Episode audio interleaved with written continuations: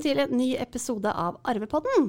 Hei, Aleksander. Er alt bra med deg? Hei, Ingunn. Ja, du, nå har jeg akkurat vært for første gang på flere år på en samling med alle ekspertene i formuesforvaltning innenfor skatt og juss og regnskap og pensjon og, og det å være sånn fysisk sammen igjen på hotell med whiteboards, det hadde jeg savna. Så nå er det masse energi. så bra. Så det tar du med deg inn i poden her? Du, åpenbart. Ja, jeg må bare si at jeg, Det er godt at du har så mye energi, for jeg er så vidt på beina etter to uker med influensa ligget rett strak ut, faktisk. Så derfor er vi nå en uke på overtid med dagens podkast. Så beklager til dere som har ventet i spenning på denne episoden. Vi kommer sent, men godt, da. Ja, og derfor er det desto hyggeligere å være tilbake her i studio, og ikke minst på kontoret. Det er godt å se litt folk igjen. Ja, som vanlig så sitter jo da Alexander Heiberg, leder for Wealth Planning her, og jeg heter Ingunn Streisschmidt, leder for innhold og PR i formuesforvaltning. Og vi har også med oss en gjest. Og velkommen til deg, Rune Tidemann Rylandsholm, advokat i Formuesforvaltnings. Takk skal du ha. Du, eh, vi skal komme tilbake til hva du skal snakke om, eh, Rune. For apropos det å bli syk, det mm. er jo faktisk indirekte tema for dagens pod. For i dag skal vi snakke om fremtidsfullmakt. Og mange opplever jo at pga. sykdom eller andre hendelser, så er man ikke i stand til å ta egne beslutninger. Og hva skjer da? Hvem vil du at skal ta beslutninger på dine vegne? Mange tenker kanskje at det trenger jeg ikke bekymre meg for det tar ektefellen min eller barna mine seg av. Men her ligger det en fallgruve som vi skal komme litt inn på etter hvert, ikke sant Aleksander? Jo, det skal vi. Det, jeg synes det er veldig fint at nå kan jeg også ta rollen som medisinsk ansvarlig i Arvepodden. Uh, men det er jo et eller annet, som du sier, Ingunn, nettopp dette med hvis det skulle skje noe, eh, sykdom, skade, ut fra en ulykke, eller kanskje det som er aller mest vanlig, det er jo at hjernen ikke helt henger med lenger. Uh, så er det jo spørsmålet om hvem kan ta beslutninger når jeg ikke kan. Det typiske eksempelet er vel kanskje demens, Ingunn? Ja, det er jo det. Jeg syns ja. det virker som det blir mer og mer demens ute og går. Men ja, er og det er jo interessant. Gjør det det? Altså, jeg tror jeg hørte et eller annet om at Alzheimer står i hvert fall for 60-70 av, av demensen. Og er det mer demens enn før?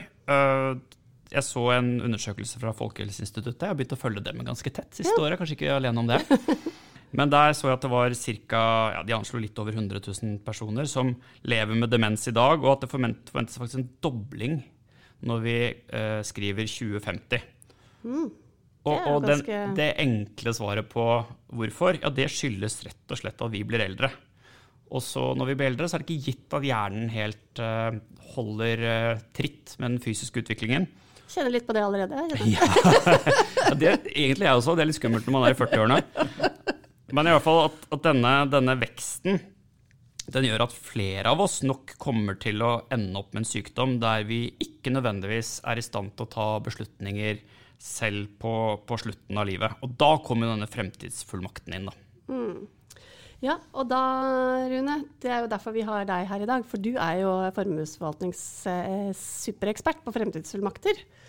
Um, så først av alt, eh, kanskje du kan forklare oss, hva er en fremtidsfullmakt? Ja, En fremtidsfullmakt eh, det er jo, som ordet sier, det er en fullmakt for fremtiden. Som da skal tre i kraft på det tidspunktet hvor jeg ikke lenger er i stand til å ta vare på meg sjøl. Jeg skriver i dag med tanke på at jeg skal kunne velge ut hvem jeg sjøl vil ha som, som eh, min, den som skal representere meg, eller være min fullmektige eller verge på det tidspunktet hvor jeg ikke lenger er i stand til å ta vare på meg sjøl. Så det er en slags eh, forsikring, da, kan du si? Ja, uh, kall det gjerne det. Uh, det er jo en det er jo litt det er litt vanskelig å si at det er en forsikring på hodet, men det blir jo som en bilforsikring eller en husforsikring. Man ønsker jo ikke at det skal skje, men dersom det skjer, så har man da skrevet ned og fått uh, på plass i en, en, fullmakt hvordan man ønsker at livet mitt skal leves, dersom jeg ikke kan leve det sjøl eller ta de beslutningene som da er nødvendige å ta. Det høres ut som en ganske eh, alvorlig beslutning å ta. Jeg tenker at uh, Hvem er det som skal ta beslutninger på mine vegne. Kan det være at andre er åpenbart bedre enn meg til å ta beslutninger på mine vegne, men, men det er vel ikke helt tilfeldig tenker jeg, hvem som tar Nei, beslutninger? Det er jo ofte mange han, han har litt flere å velge mellom. Skal man velge ektefelle? Kanskje den begynner å bli litt surrete òg? Eller barna? jeg er litt usikker nå. Jeg, vi har snakket om det mange ganger før. Jeg har ganske små barn. Jeg er litt usikker på om de skal ta beslutninger på mine vegne, men, ja, men uh, kan ikke utelukke at ting kan skje. Nei, det er det ikke. Men du, når vi er inne på det, for det er jeg nysgjerrig på, hva, du ser at det er en slags forsikring da, for hvis hvis det skjer noe, en kognitiv svikt. Men hva skjer dersom man ikke tegner denne forsikringen, da? Hva, hvis man ikke har fremtidsfullmakt, hvem eh, er det som tar avgjørelsene på mine vegne da? Når du blir umyndiggjort Ja. Når, sa du nå? Har du ikke fått med deg det, engang? På det tidspunktet man blir umyndiggjort, eh, så vil det da være sånn at eh, det vil være fylkesmannen, som nå heter statsforvalteren, som da eh, kommer med et tilbud om å oppnevne en fullmektig eller en verge på mine vegne. Det kan være den samme personen som jeg ønsker skal være det, som jeg ville ha utpekt i en fremtidsmakt, eller barn. Eh, Men eh, det som er forskjellen på den frivillige fremtidsmakten som jeg etablerer sjøl, og at det kommer en statsforvalter på banen, det vil være at den fullmektigen som blir oppnevnt av statsforvalteren, må forholde seg til veldig strenge og firkanta regler i, i vergemålsloven. Sånn at det kan være nøyaktig samme person, men opp, arbeidsoppgavene eller de forpliktelsene som man har, de vil bli veldig mye mer begrensa i forhold til hva eh, vergemålsloven sier at du som fullmektig eller verge skal gjøre på mine vegne. Gi noen eksempler da på hva er det, liksom, hvilke begrensninger kan det være? Nei, ehm, en eh, fylkes... Eller stats... Vanskelig. Vi, vi øver på det fortsatt. Ja. Statsforvalteroppnevnt eh, verge han har ikke lov til å selge fast eiendom. Han har ikke lov til å gi gaver på mine vegne utover såkalte sedvanlige gaver, som er et veldig sånn uh, dustete juridisk eh, begrep, egentlig. Altså hva er sedvanlig for folk flest? Altså Det er snakk om å gi 1000 kroner til jul, eh, 1500 kroner til, eh, til bursdag og, og sånne ting. Men det er ikke å gi Du kan ikke gi eh, boligstøtte eller eller sånne ting. Mm. Det, ikke- det, det vil ikke en, en, eh, en verge eller fullmektig oppnevnt av statsforvalteren ha lov til. Hva hvis man har aksjeselskap og sånn, er det noen begrensninger der? Ja, det er, jo- det er jo et av de viktigste grunnene til at vi mener at det er fint og, og lurt å skrive en fremtidsmakt. Det vil jo da være hvor eh, jeg eier et selskap, for da kommer det inn en revisor eller en advokat som styreleder i selskapet mitt, og han vil ha klare begrensninger i forhold til hva han eller hun kan gjøre i selskapet. Ok, Så når statsforvalteren utnevner en advokat i, i det tilfellet, kanskje? Det kan være. Det er jo litt av det som, som du er inne på, Rune. At, at det kan jo være den jeg ønsker som skal ta vare Ja. på mine interesser. Men det kan også være en annen. Det er det statsforvalteren rett og slett som bestemmer hvem man tenker er, er riktigst. Og mens man i fremsfullmakten står veldig fritt til å egentlig sette de rammene for den fullmakten som man selv ønsker, så har jo vergemålsloven en del ganske klare begrensninger. Det skal rapporteres, og det skal Ja, det, det det blir rett og slett et litt snevrere mandat. Og så kan man tenke ja, men er ikke det supert, da? Jeg vil jo ikke gi denne generelle fullmakten til noen. Så det er jo bra at det er begrensninger, kan man fort tenke. Men så må vi huske på at dette kan jo faktisk pågå over noen år. Og det kan jo være, særlig ser vi det typiske demenstilfellet, at ja, man kommer på en måte aldri tilbake til en situasjon hvor man igjen tar beslutninger eh, sine selv. Og da er det jo viktig at noen kan ta gode beslutninger kanskje i de 5-10-15-20 årene hvor dette kan skje. Og hvis det blir for rigid og for begrenset, så kan det være at beslutningene blir dårlige. Mm. At man rett og slett er litt verdiødeleggende, og at en annen blir sittende så lenge med en sånn begrensende eh, eh, Hva skal jeg si nå? Be- At det det blir en del begrensning på handlefriheten som kan gå utover eh, verdien man sitter på. Og så er det én viktig ting til. Og det er klart at en fremtidsmakt det er, kall det på godt nynorsk, eh, en non-profit-fullmakt. Det betyr at eh, fullmektigen kan ikke berike seg på mine vegne, med mindre jeg har åpna for det. Sånn at det er ikke fritt fram for familien å tømme, tømme selskapet eller tømme boet. Eh, Da må jeg ha ønska det. For ellers er det kun og en fullmakt som da skal gi vedkommende som jeg har plukka ut, til å administrere og styre livet mitt. Eh, og det skal skje på mine vegne og i min ånd.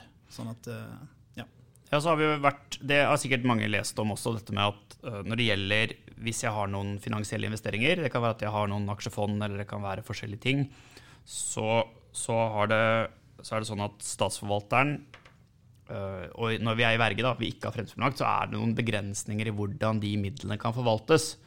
Og øh, jeg vet ikke om du kan si litt om det, Rune?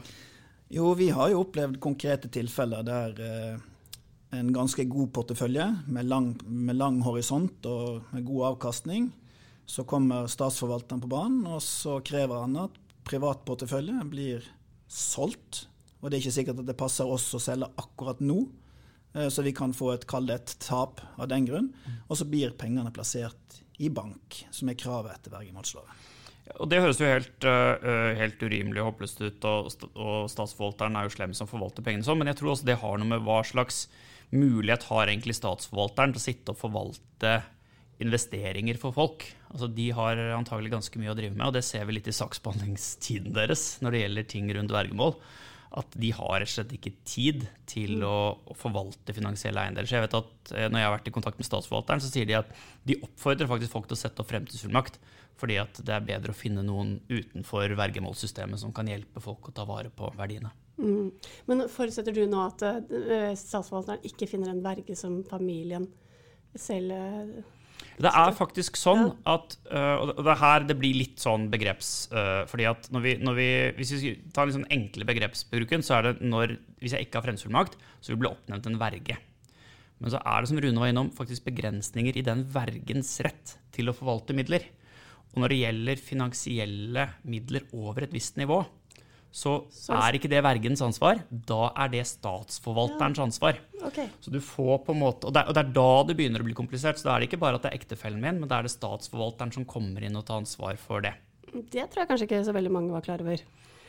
Men, um, så da har vi slått fast at uh, det å ha en fremtidsfullmakt, det er veldig klokt. Så um, Rune, ta oss gjennom det. Hvordan uh, liksom, setter man opp en fremtidsfullmakt? Er det, er, det, noen formelle krav en sånn, til en sånn fremtidsfullmakt? Egentlig så er det vel, ja, det er vel egentlig bare ett formelt eh, krav, og det er at den da skal være, skal være signert og bevitna av to vitner. Uh, I likhet med testamentet, da. Men, men, utover det så er det sånn Det viktigste for oss er å fokusere på de tingene som skal inn, Eh, sånn at vi da får de ulike punktene som vi mener er viktige å få med, og få belyst de tingene som vi tror folk flest vil ha et ønske om å få inn, inn i fremtidsmakten sin.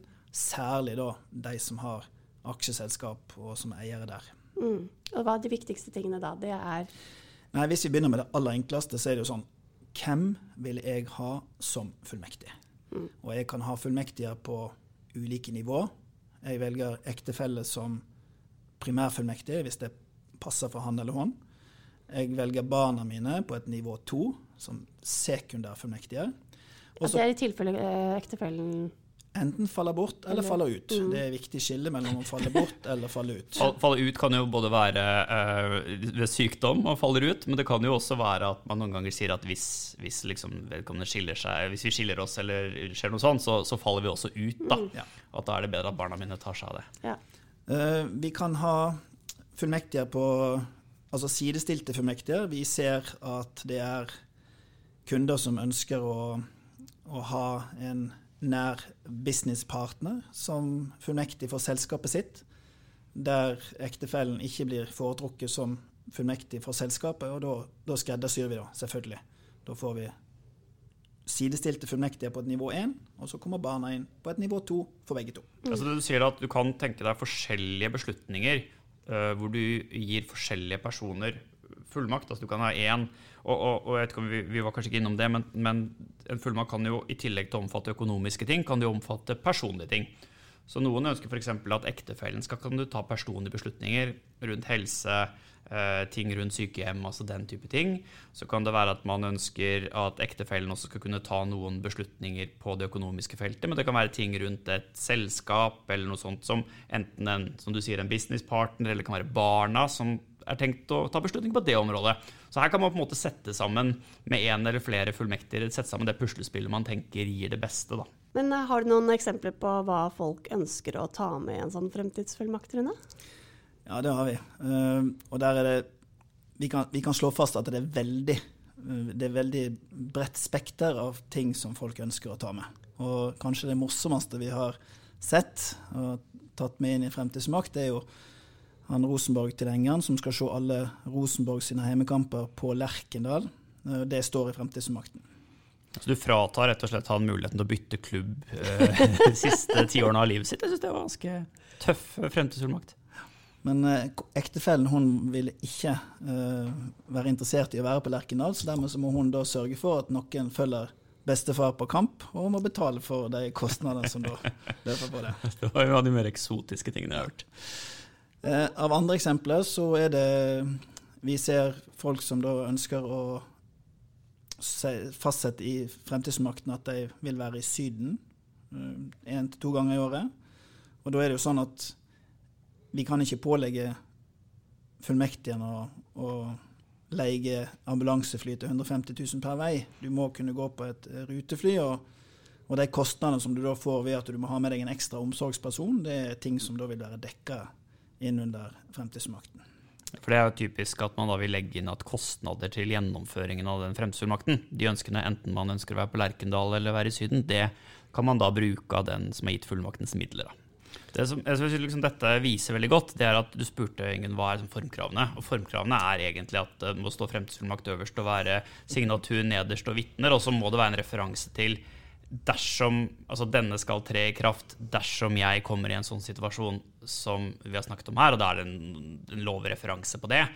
Eh, men mellom der så vil det variere ekstremt mye hva den enkelte ønsker å ha. og Det vil avhenge av hva slags uh, økonomi man har, hva man eier, hvordan familiesituasjonen ser ut, og, og som vi får gode eksempler på her, også liksom hvordan jeg tenker et uh, rikt liv er. da.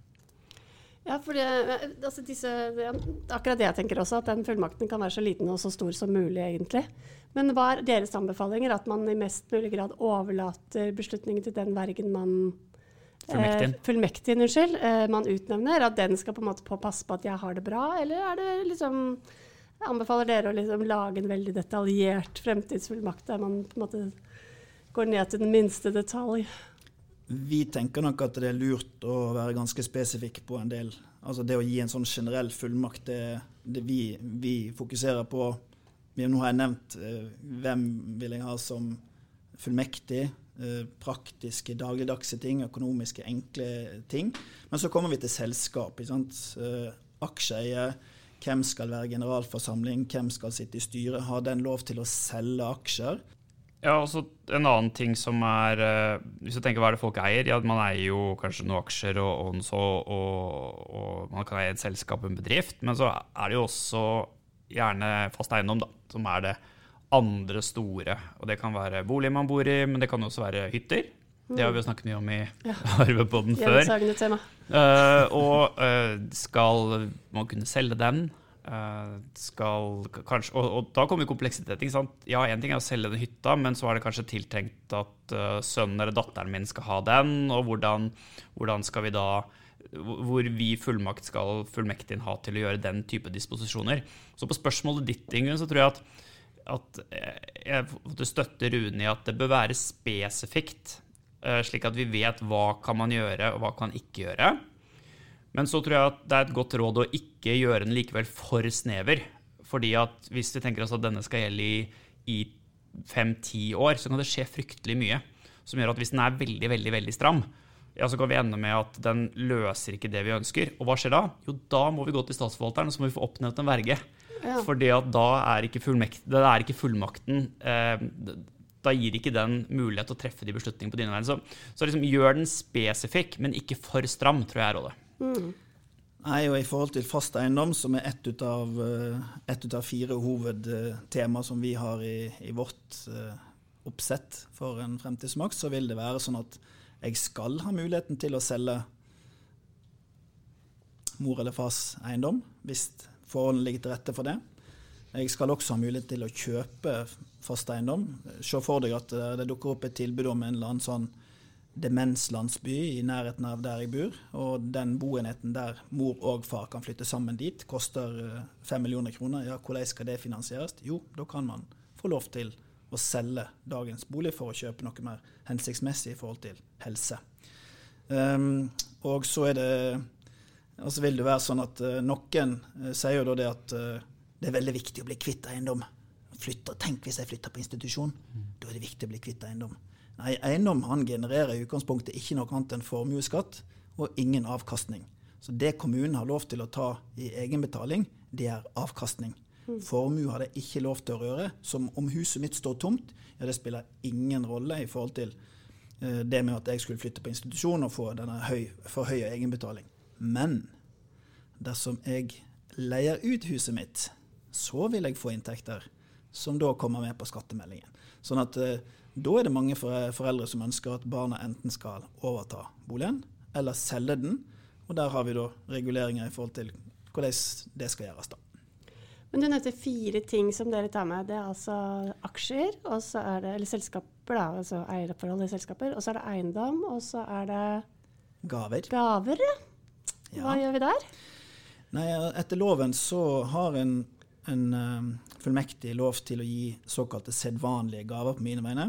Og det er den tusenlappen til jul og 1500 mm. kroner til bursdag og den type ting.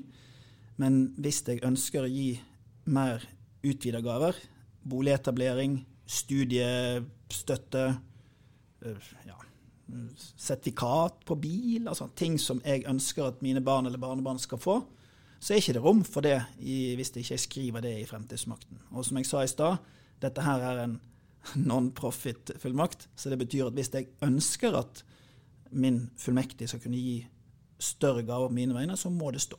-hmm.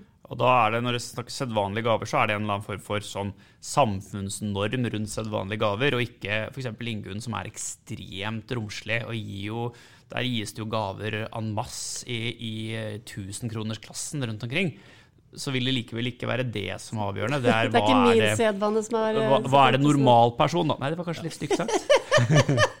Nei, men vi bruker, jo, vi bruker, jo, ofte eksempelet med den røde Ferrarien på min sønns 40- eh, eller 50-årsdag.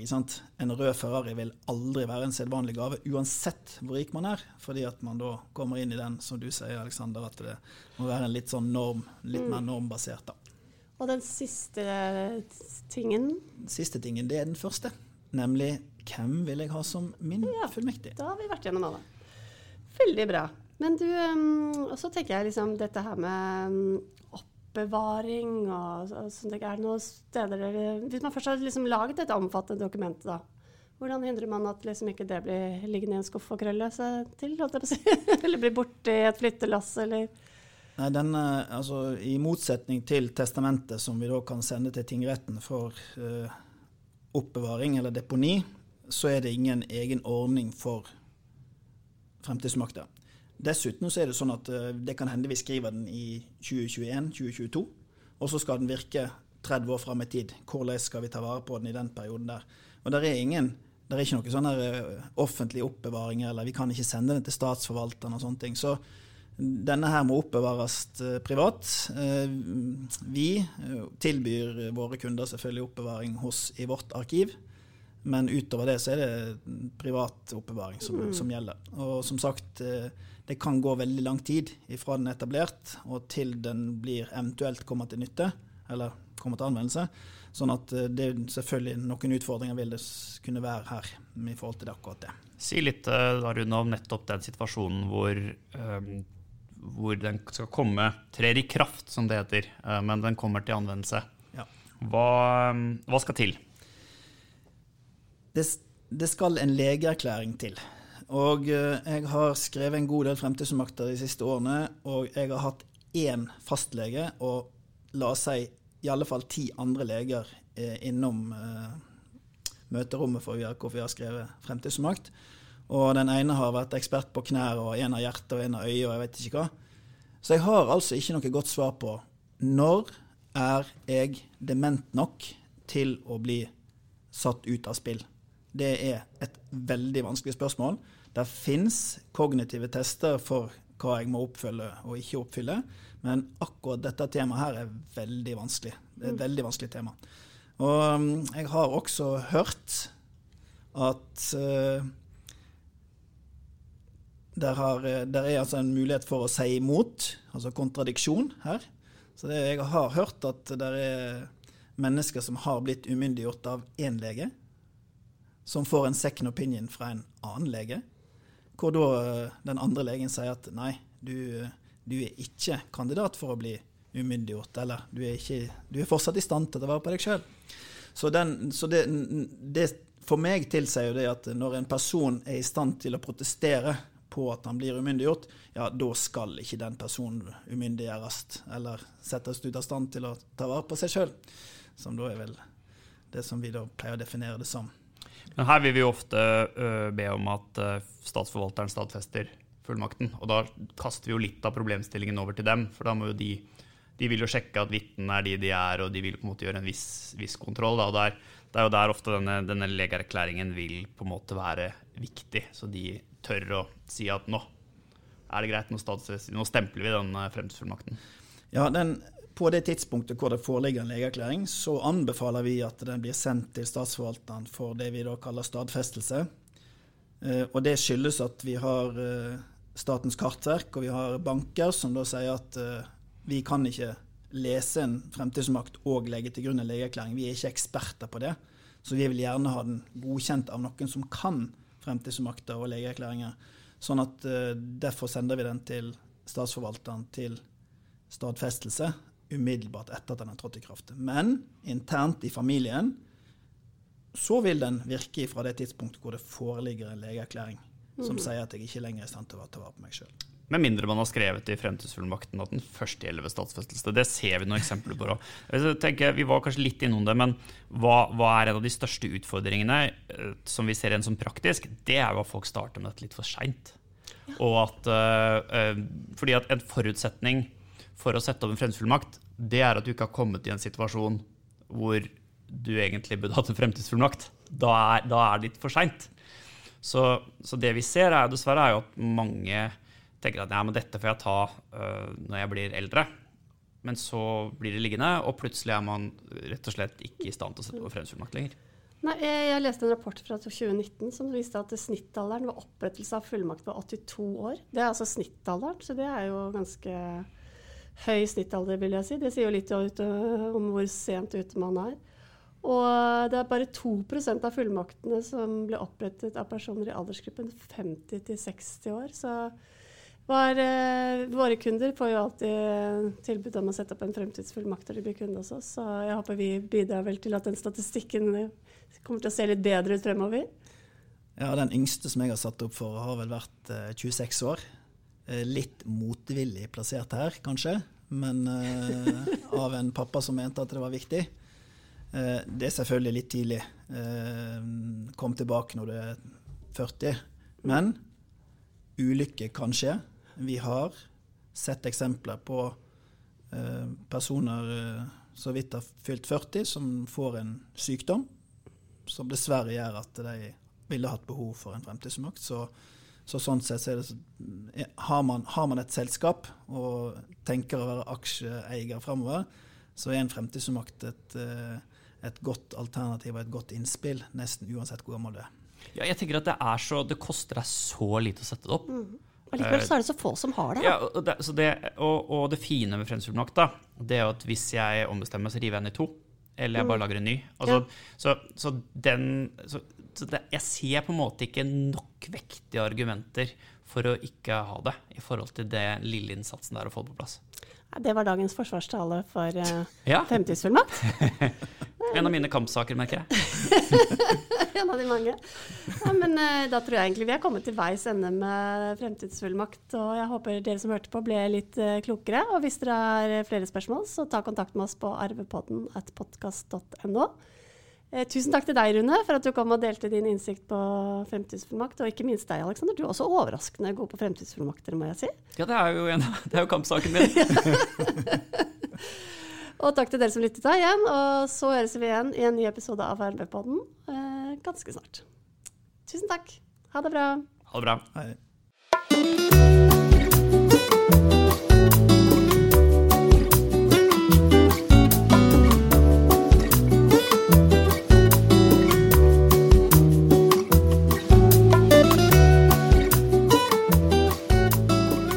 podkast fra Formuesforvaltning.